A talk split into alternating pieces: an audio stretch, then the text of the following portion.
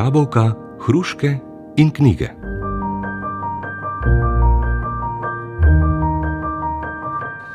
Pozdravljeni v še enem podkastu Jabolka, hruške in knjige. Z vami sem Zala Trebežnik, danes je z mano pisateljica Katja Gorečan, živijo. Pozdravljena. Ja, malo prej smo se pogovarjali, da je pravzaprav um, je ta predvsem manjša razlika v letih kot prejšnjič, je avtorica še zelo mladostna, tako da sva se strinjali, da se lahko tikava. Um, kako si?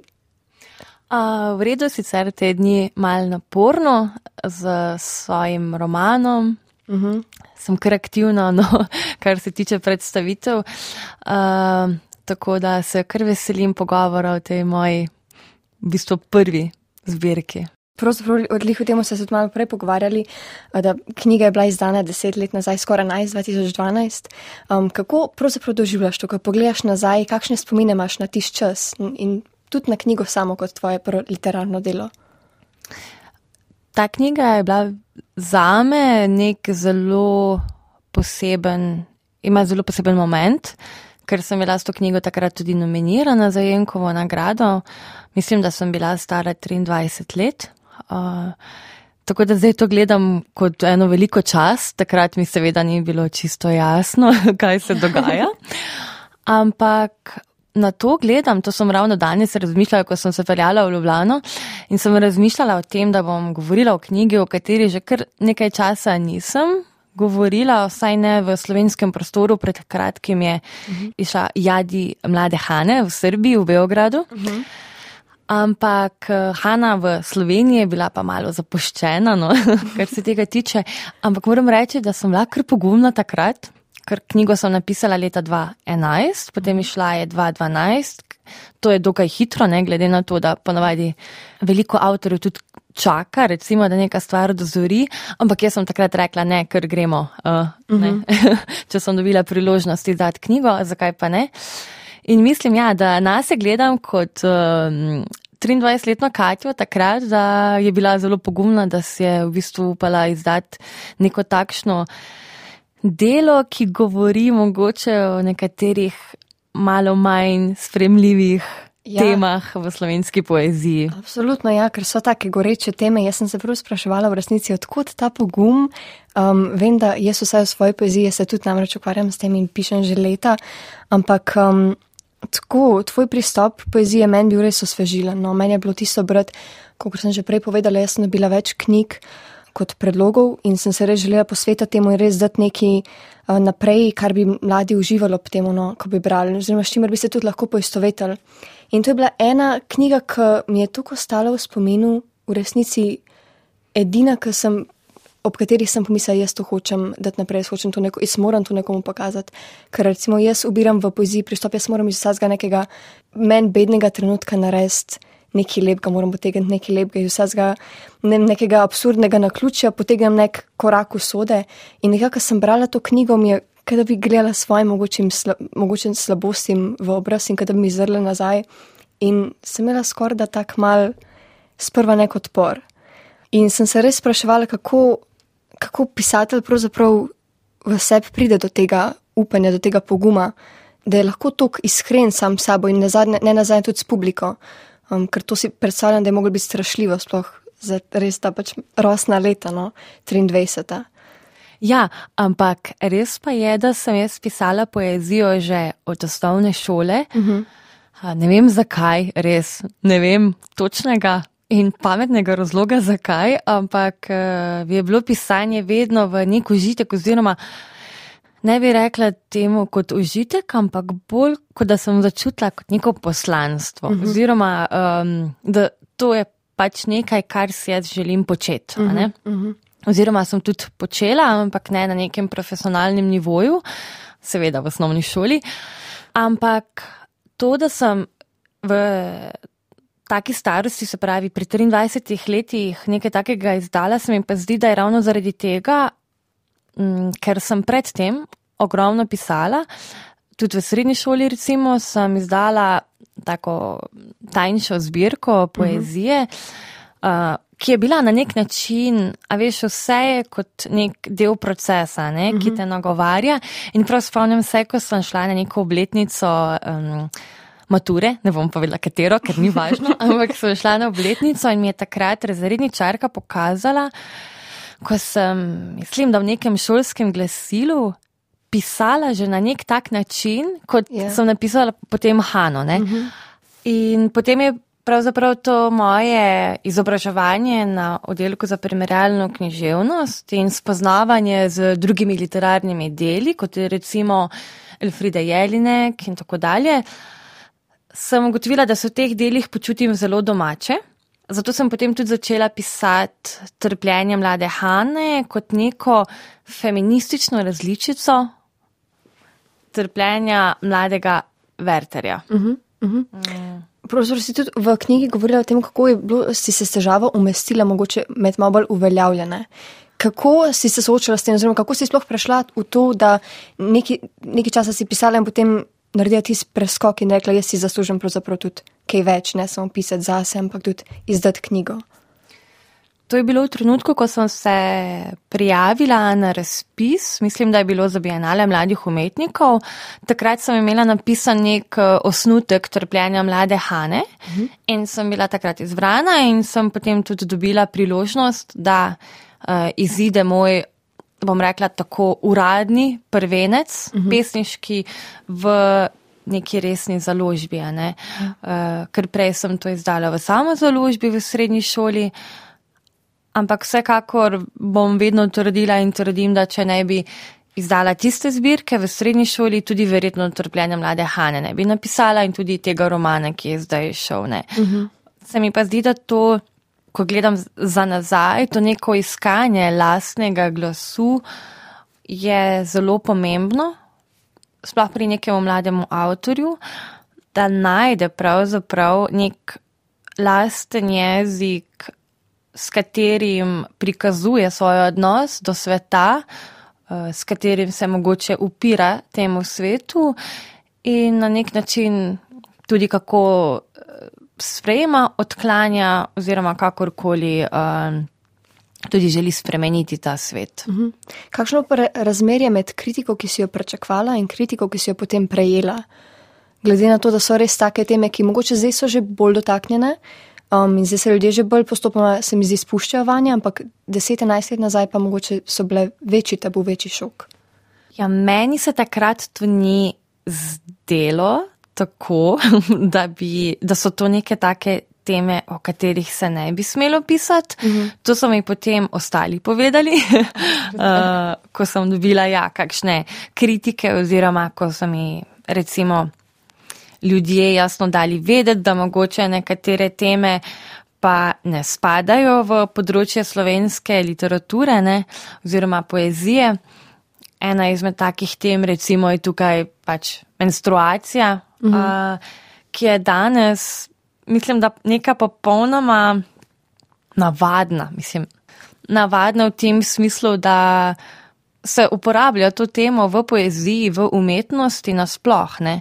Deset let nazaj pa je mogoče tega bilo manj oziroma tisto, kar je bilo napisano oziroma v umetnosti uporabljeno, bolj izstopalo. No. Uh -huh, uh -huh. Ja, pa predvsem ne samo take teme, kaj pa mogoče, ker si bila tudi, se mi zdi, čustveno zelo ranljiva. Kako je bilo izkusiti to, kako je bilo mogoče ljudem, ki so ti bili blizu v življenju? A so oni nekako pričakovali v skladu s svojimi. Um, se odzvali v skladu s svojimi pričakovanji. Oziroma, kako je jaz, vem, da mogoče z perspektive tudi nekoga, ki piše, mene je doskrat strah, kako se bo nekdo odzval na intimne zadeve. Kar se tiče dojemanja te, teh tem v knjigi, ki so uh, recimo intimne, ampak tudi uh, ostali avtori so uporabljali uh, intimne teme v lastni, v svoji poeziji. Mogoče je tukaj ravno to, da je ta intima na nek način razkrinkana, da je um, odstranjena tista neka zavesa tega mogoče kakšnega pretvarjanja, olepševanja na nek način. Ne? In zato se mogoče marsikomu zdelo to bolj šokantno, ne? ker je bolj, ker bolj nek direkten govor. Zagotovo niso bili vsi zadovoljni uh, pač z izdajo te knjige, ne vem. Uh, jaz sem se trudila ne preveč obremenjevati uh, očitno. Ampak kakorkoli je pa, je pa sklop nekih doživeti, ne, uh, ki so recimo del mene oziroma so del mojega življenja takrat, ampak hkrati sem skušala zajeti neko sliko, neko širšo sliko osebe, ki je stara 21 let, ne, ker Hanna v knjigi je stara 21 let in ne vse projecirati recimo samo iz sebe, ker to me je recimo zmotilo pri tem, ko so ljudje brali to knjigo, ki mogoče niso tako vešči tega, kako um, mogoče brati literarno delo, da so vse enačili s Katjo, se pravi, da je vse v knjigi enako Katja. Ne? In potem tudi pride uh, do tega, o, ne, kakšna si ti in ne vem, kaj še vse. To recimo je ena stvar, ki me še vedno zmoti, ker recimo, ko jaz berem avtorja, berem poezijo in skušam doživeti to, kaj pesem ali tekst naredi meni. Uh Mhm. -huh. Ne pa to, kaj je avtor pravzaprav, ne, uh, ali je to njegova izkušnja uh -huh. ali ne. Uh -huh. In to se mi zdi tudi pri, pri tej knjigi, no, da pač tisti ljudje, ki so, ne vem, uh, recimo mene začeli obsojati na podlagi pač tega teksta, mi je žal za njih, ampak Ja. uh, potem na nek način se mogoče naj naučijo brati literaturo. ne. Mm. Um, tako da to recimo uh, je bila ena taka stvar, ki me je takrat, pa tudi recimo še danes me zmoti, ko nekdo um, popolnoma vse enači, ne, zaradi, zaradi tega, ker jaz sem z namenom tukaj pisala kot um, nek zunanji pripovedovalec, ki govori o Hani. Ne. Mhm. Mhm. Um, ker sem le tako povedala tudi ogromno nekaterih stvari, ki so me recimo zmotile uh, na sceni, v družbi in nasplošne. Torej, če sem prav razumela, si se tudi prelevila v resnici nekako tudi za voljo nekega sporočila, mogoče pesmi. Uh, nisi vedno bila točno tisto direktno izhala iz sebe, ampak tudi mogoče sporočilnost si dala na prvo mesto. Ja, lahko bi tako rekli, ja. lahko bi tako rekli, ker zagotovo je bil nek premik v mojem pisanju in v mojem doživljanju, ker sem predtem pisala prvo osebno poezijo, ne? se pravi, jaz kot Katja oziroma lirski subjekt in tako dalje, ne? sem bila vedno jaz. Ja. a ne. In od takrat naprej, tudi recimo ta roman, ki je zdaj šel, materinska knjižica, um, tudi ne pišem kot jaz, Katja, o sebi, recimo, ne, mm -hmm. o Katji. Um, tako da ja, se mi zdi to odvisno, kaj želiš recimo povedati ne, in sam koncept. Ja. Pri meni je pravzaprav sporočilo in sam koncept knjige enostavno veliko bolj ustrezalo to, da oblikujem persono, se pravi, oblikujem neko uh, osebo, Hano, Mhm. ki je pravzaprav naslov vsakega um, poglavja, no, Hana in potem še nekaj, ne, kot v neki otroški slikanici. Ker se mi je takrat to zdelo res simpatično in zabavno, da se mal ponorčujem iz um, neke resne pesniške scene, uh, s tem, da naredim pesniško zbirko kot neko slikanico oziroma kot recimo neko otroško knjigo. Ne? Mene, meni je ful uh, tak fascinanten tvoj pogled, zato ker v resnici, ja, se mi zdi doskrat koristno, da ločujemo umetnike od njihovih umetnin. Um, ne bi pa rekla, prav pri tem delu pa, pa res ne bi pomislila na to v resnici, ker lih ta iskrenost, ta v resnici tudi mejno surovost neka, ampak sicer celotno delo mislim, da prežema to neka milina, ki je meni posebej skozi zelo izstopala, ampak res uh, v primerjavi z drugimi deli mislim, da ta knjiga, tako se neka meni prav vzpostavljena kot odpor, pa sem pa začela razmišljati, razmišljati o sebi, razmišljati o drugih ljudeh, kako njih dojemam, kako sebe dojemam. In se mi zdi, da na koncu te res to delo naredi bolj človeka, uh, ker ima tok nekih um, realnih prvin. No? Pa bi rekla, da se je tvoj stil spremenil ali je ostal večinoma enak, mogoče ne samo vsebinski vidik, pa tudi tako oblikovno. Jaz bi šla mogoče sam nazaj, ko si rekla, Prosim, da ti ja. naredi bolj človeka. To se mi zdi kar nekaj najlepšega, kar sem slišala, kar se tiče mojega um, teksta. Uh, je pa, kar se tiče tega, kaj je tukaj res oziroma izhajam iz sebe. Jaz v tekstu absolutno izhajam iz sebe, ampak iskreno verjamem, da smo ljudje zgrajeni zelo različnih plasti. Uh, in tudi ne verjamem toliko v to, kaj je dobro, kaj ni. Um, kaj je pozitivno in negativno, recimo, ne, um, tudi v tej knjigi, ne, um, če smo, recimo, uh, k temu nagnjeni, da se pač obsoja, potem absolutno je ta knjiga polna tem, ne, na katere se lahko obsoja, ne, ampak Ja. hkrati so to po eni strani popolnoma človeške teme. Ne.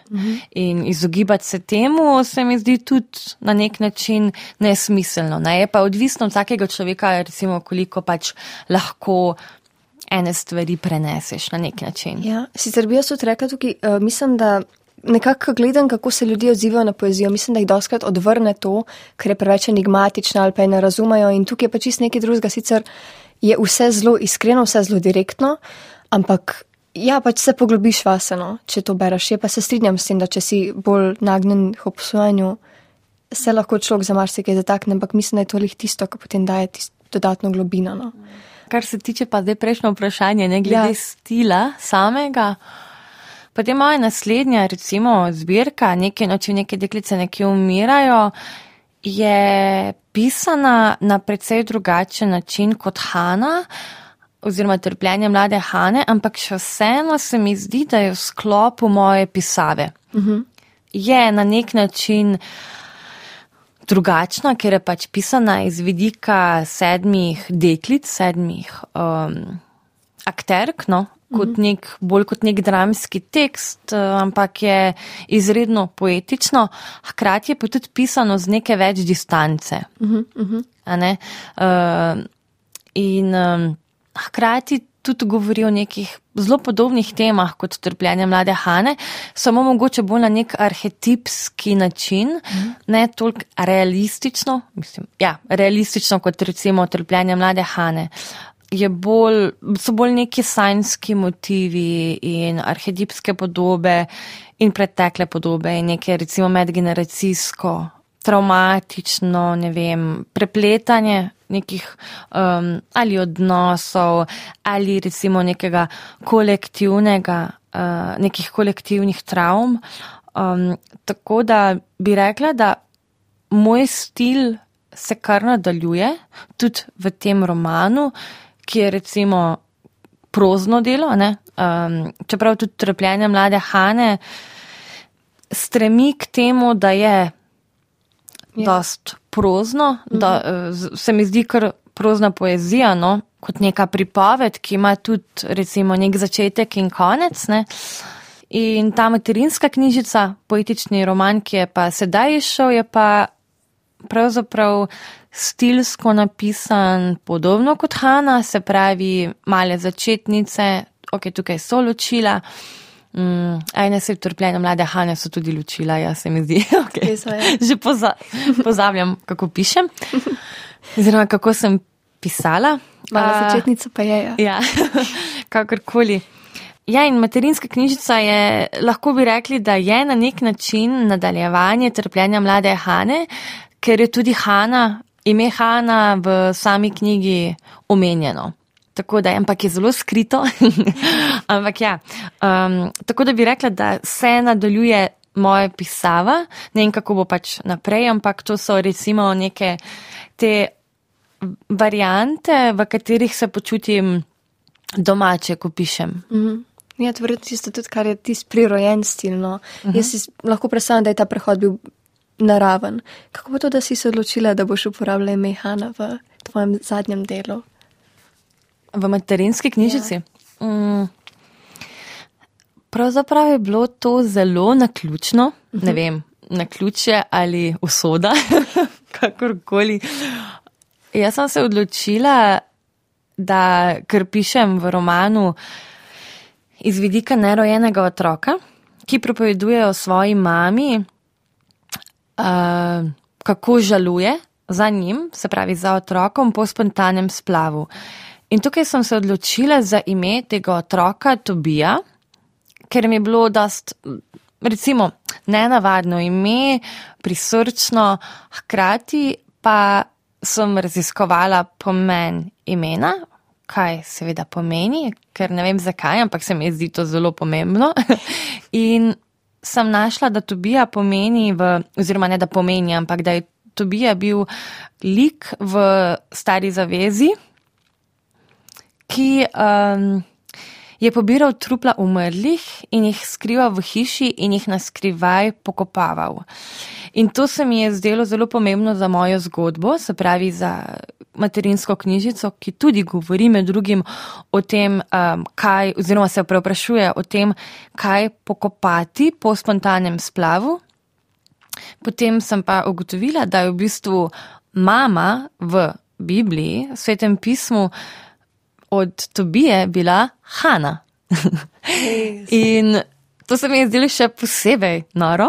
pač, uh, je tako premik usode. Ja, ja, uh, zato sem potem tudi nalašč ta del uporabila, zaradi tega, ker je Hanna tudi omenjena kot, da je njen sin, mislim, da odšel na neko pot in se je bala, da ga bo izgubila. No. Uh -huh.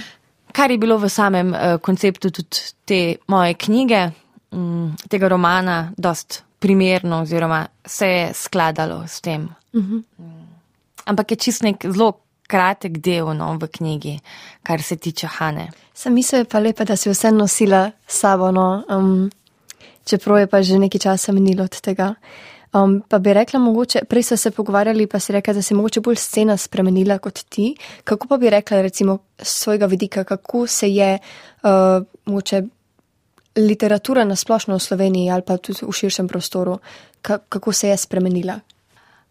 Zdaj, zelo nasplošno bom rekla, da takega pogleda sicer nimam, ampak sem pa v parih teh letih sodelovala na recimo različnih festivalih literarnih po Evropi uh, in moram reči, da sem dobila zelo nek tak domač občutek, ker je tudi v tujini se ogromno, se je naredil ogromen premik, no, kar se tiče literature. Se mi zdi, da je veliko, da se veliko avtoric izdaja, um, kar je sploh fino, da prihajajo v spredju nekatere teme, ki so bile leta in leta potisnjene v kot, ki so bile recimo pravzaprav pokopane in se mi zdi, da od takrat, ko sem izdala knjigo Trpljene mlade Hane do danes, da so te teme začele vret na površje.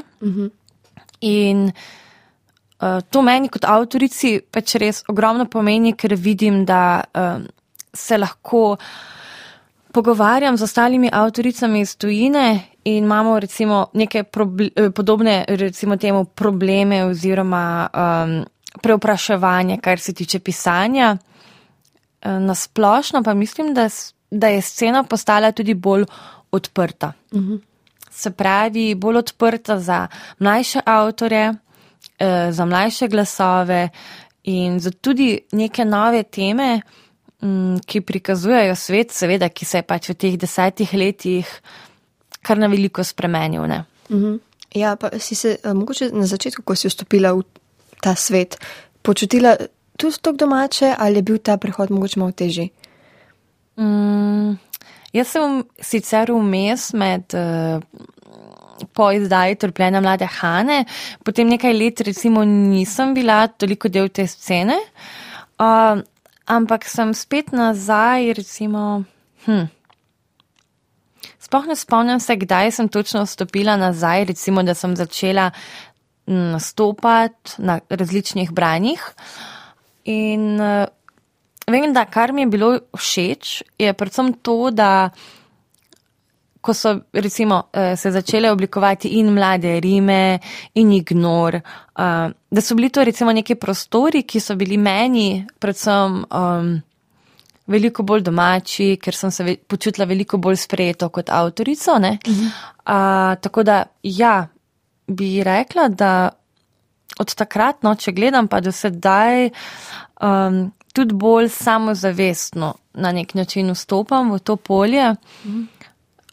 Takrat, recimo, sem se še spraševala o tem, kaj je moj glas, ne pa ja, kako najti ja. svoj glas in tako dalje. Um, danes se ne sekiram več glede tega, uh, ker eh, približno vem, kaj želim povedati in tudi približno vem, uh, mislim, približno. Recimo nekje 80%, kaj želim povedati in na kakšen način želim povedati. Ne. In tudi sama sem postala dosti bolj na nek način kritična do svojega dela, mm, vem mogoče malo bolj, da kaj je recimo dobro in kaj ni ok, uh mhm. -huh. kaj je mogoče za zavreč in kaj je za ohraniti, uh -huh. uh, kot sam del teksta. Ne. Kako pa predeliš recimo svoje delo, kaj, a je kakšna mogoče me, tak mejnik, no, taka ločnica, ki postaviš med dobro in slabo poezijo ali pa dobrim in slabim delom, ki ga proizvedeš? Mm, sama pri sebi? Ja, ali pa tudi na, naprimer, pri mm. drugih avtorjih, kako Aha. recimo gledaš na to. Uh, ja. Recimo pri tej zadnji knjigi, ko sem pisala, ne, uh, jaz sem točno vedela, katere stvari so slabe. Mislim, mm. To je neverjetno. In potem mi je še par ljudi, ker sem poslala parim testnim bravcem, ker ko, tem, ko, ko sem bila v tem, recimo, ne, uh, šusu pisanja in v bistvu ne zmoreš zaznati te, neke, te neke distance, recimo, še. Uh mhm. -huh. Sedaj pač, recimo, danes bolj zaznavam to distanco oziroma jo lahko tudi. Uh, recimo obdržim, ampak uh, v trenutku samega pisanja, sploh pa recimo nekega dela, ki je malce daljše, uh, rabiš neke zunanje, recimo sodelavce. In uh, jaz sem tukaj poslala pri tem romanu nekje petim, šestim ljudem, mm -hmm. katerih mnenje cenim uh, in tudi za katere sem vedela, da mi bodo povedali direktno, mm -hmm. brez olepšavanj, bo rekla, Katja, gledaj, tole je brez veze, tole je za nič, tole sploh. Ne? In tudi jaz sama se nisem m, pri tem. Uh, kaj dosti sekirala, kar se tiče, da bi rekla, da, da bi se čutila preveč čustveno ob takih odzivih, ampak sem rekla, ok, bom pogledala in bom pač ne, preverila, če je res tako zanične in poskušala recimo preurediti, če se mi bo zdelo. Tako da um, zdaj za druge avtorje bi težko rekla, kako jaz sama vidim, ne, um, da bi rekla, to je pa za nič oziroma to je dobro. Ne. Jaz sem tukaj pri sebi res, kar se tega tiče, postala da striktna. Um, ampak kar sem hotela reči, ja, pri romanu med pisanjem in ko sem poslala pač končni izdelek, recimo v rednici, ne, oziroma še preden šlo v tisk, kakorkoli v urejanje. In jaz sem točno za vsako poglavje, kjer sem prav čutila, da je recimo kaj slabo napisano, ne. ampak sem počakala, da mi je še ona to povedala. Potrdil, ja. um, sem tak sem mislila, ok, mogoče bo šlo čez, ne, ni šlo, ne. Ampak hkrati mi je to veliko boljš, zaradi tega, ker raje dam neko delo, recimo iz sebe oziroma tudi bravcu, no, mhm. ki, je, um, ki je preverjeno na nek način, ki je brez, uh, če smem reči, brez bulšitano. Mhm. Brez nekega nakladanja. Um, in um, raje imam manj strani, kot pa več strani, pa da recimo je pač preveč, recimo, ponavljanja, kakorkoli ne. Uh mhm. -huh. Zdaj, pri drugih avtorjih pa, kaj vem, jaz sem dost, kar se tega tiče, intuitivna, poslušam dost, um, recimo, ko preberem neko delo drugega avtorja, ali me pritegne, ali me pač enostavno ja. ne. Uh, to, um, se mi zdi, da neke. Um, Ne vem, kvalitete, kar se tiče pač ne, samega pisanja, uh, ni pa vedno vse slabo in ni vedno vse dobro. No, to mhm. se mi zdi tudi, uh, tudi pri svojem delu. Vem, da bi utrpljenje mlade Hanje mogoče danes kaj spremenila. Tudi v tem romanu, že takoj, ko je prišel iz tiskane, uh -huh. sem si rekla, uh -huh. da mhm. bi pač lahko že kaj spremenila, ne, ali pa yeah. Ja. kaj dodala, ali pa karkoli izbrisala. Ne, ampak enostavno pač včasih uh, je pač potrebno samo stvari dati ven in uh, ja. Ja, to To. sem te tudi želela pa vprašati. A gledaš mogoče kritično na to kot svoje prvo delo, ali mogoče celo si mal bolj zaščitniška, glede na to, da je bilo tvoje prvo delo. Um, ne vem, predstavljam si, da človek potem tudi vzpostavlja nek, neko čustno povezavo no, na neki tazga. Uh, trpljenje mlade Hane. Trpljenje malo hade.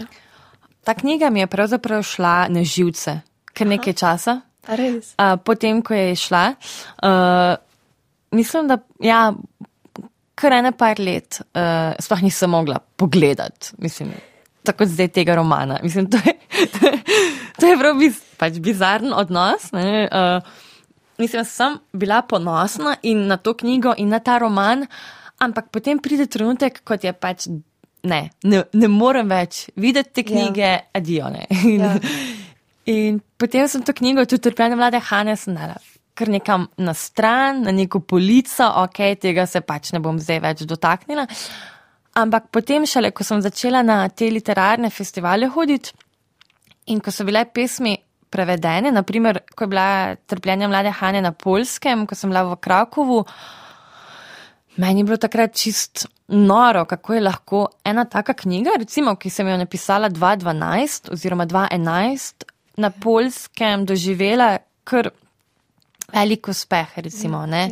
In kako so tudi uh, kritičarke, en od kritičark polskih je rekla, da njej se zdi, da bi taka knjiga morala biti obvezno branje v osnovnih šolah na polskem. Ne?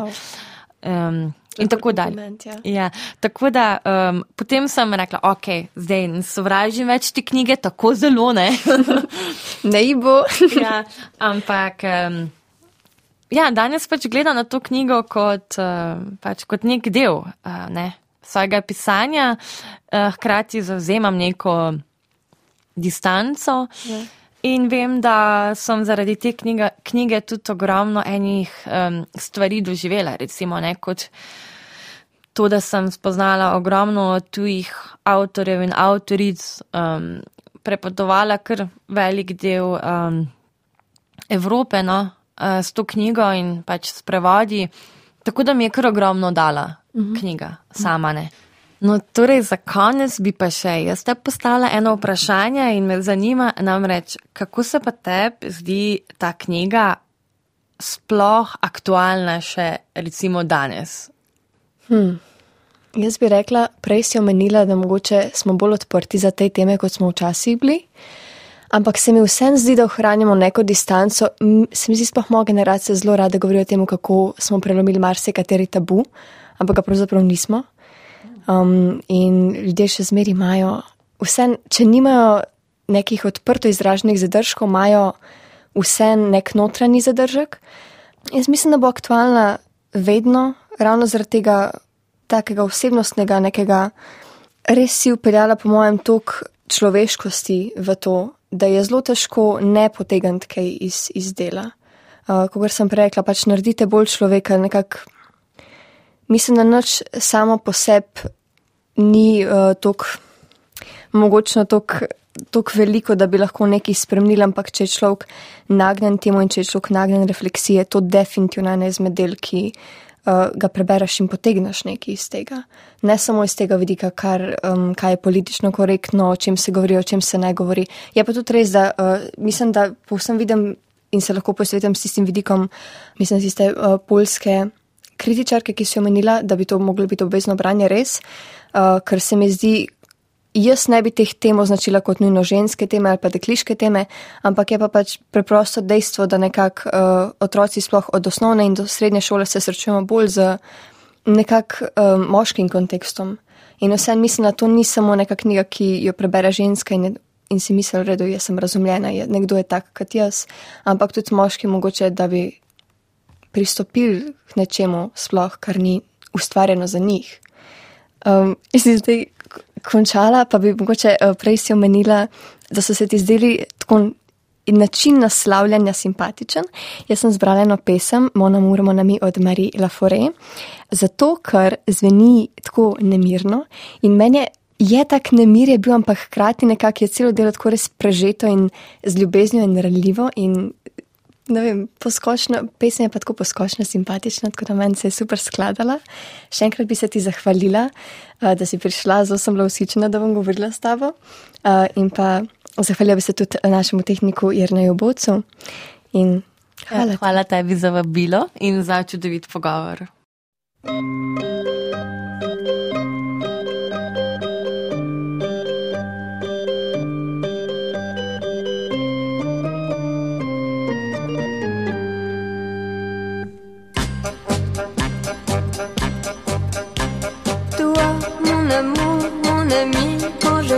c'est de toi, mon amour, mon ami. Quand je chante, c'est pour toi, mon amour, mon ami. Je ne peux vivre sans toi, mon amour, mon ami.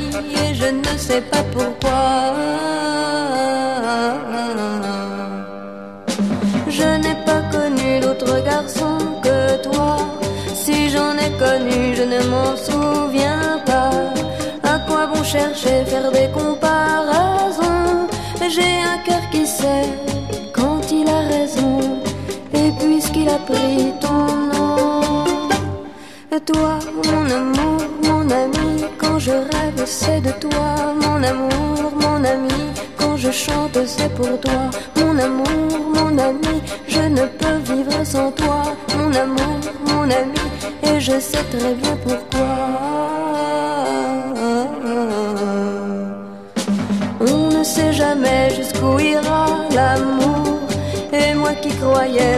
T'aimer toujours. Oui, je t'ai quitté et j'ai beau résister. Je chante parfois à d'autres que toi, un peu moins bien chaque fois. Toi, mon amour, mon ami, quand je rêve, c'est de toi, mon amour, mon ami. Quand je chante, c'est pour toi, mon amour, mon ami je ne peux vivre sans toi, mon amour, mon ami, sais pas pourquoi, mon amour, mon ami, quand je rêve c'est de toi, mon amour, mon ami, quand je chante c'est pour toi, mon amour, mon ami, je ne peux vivre sans toi, mon amour,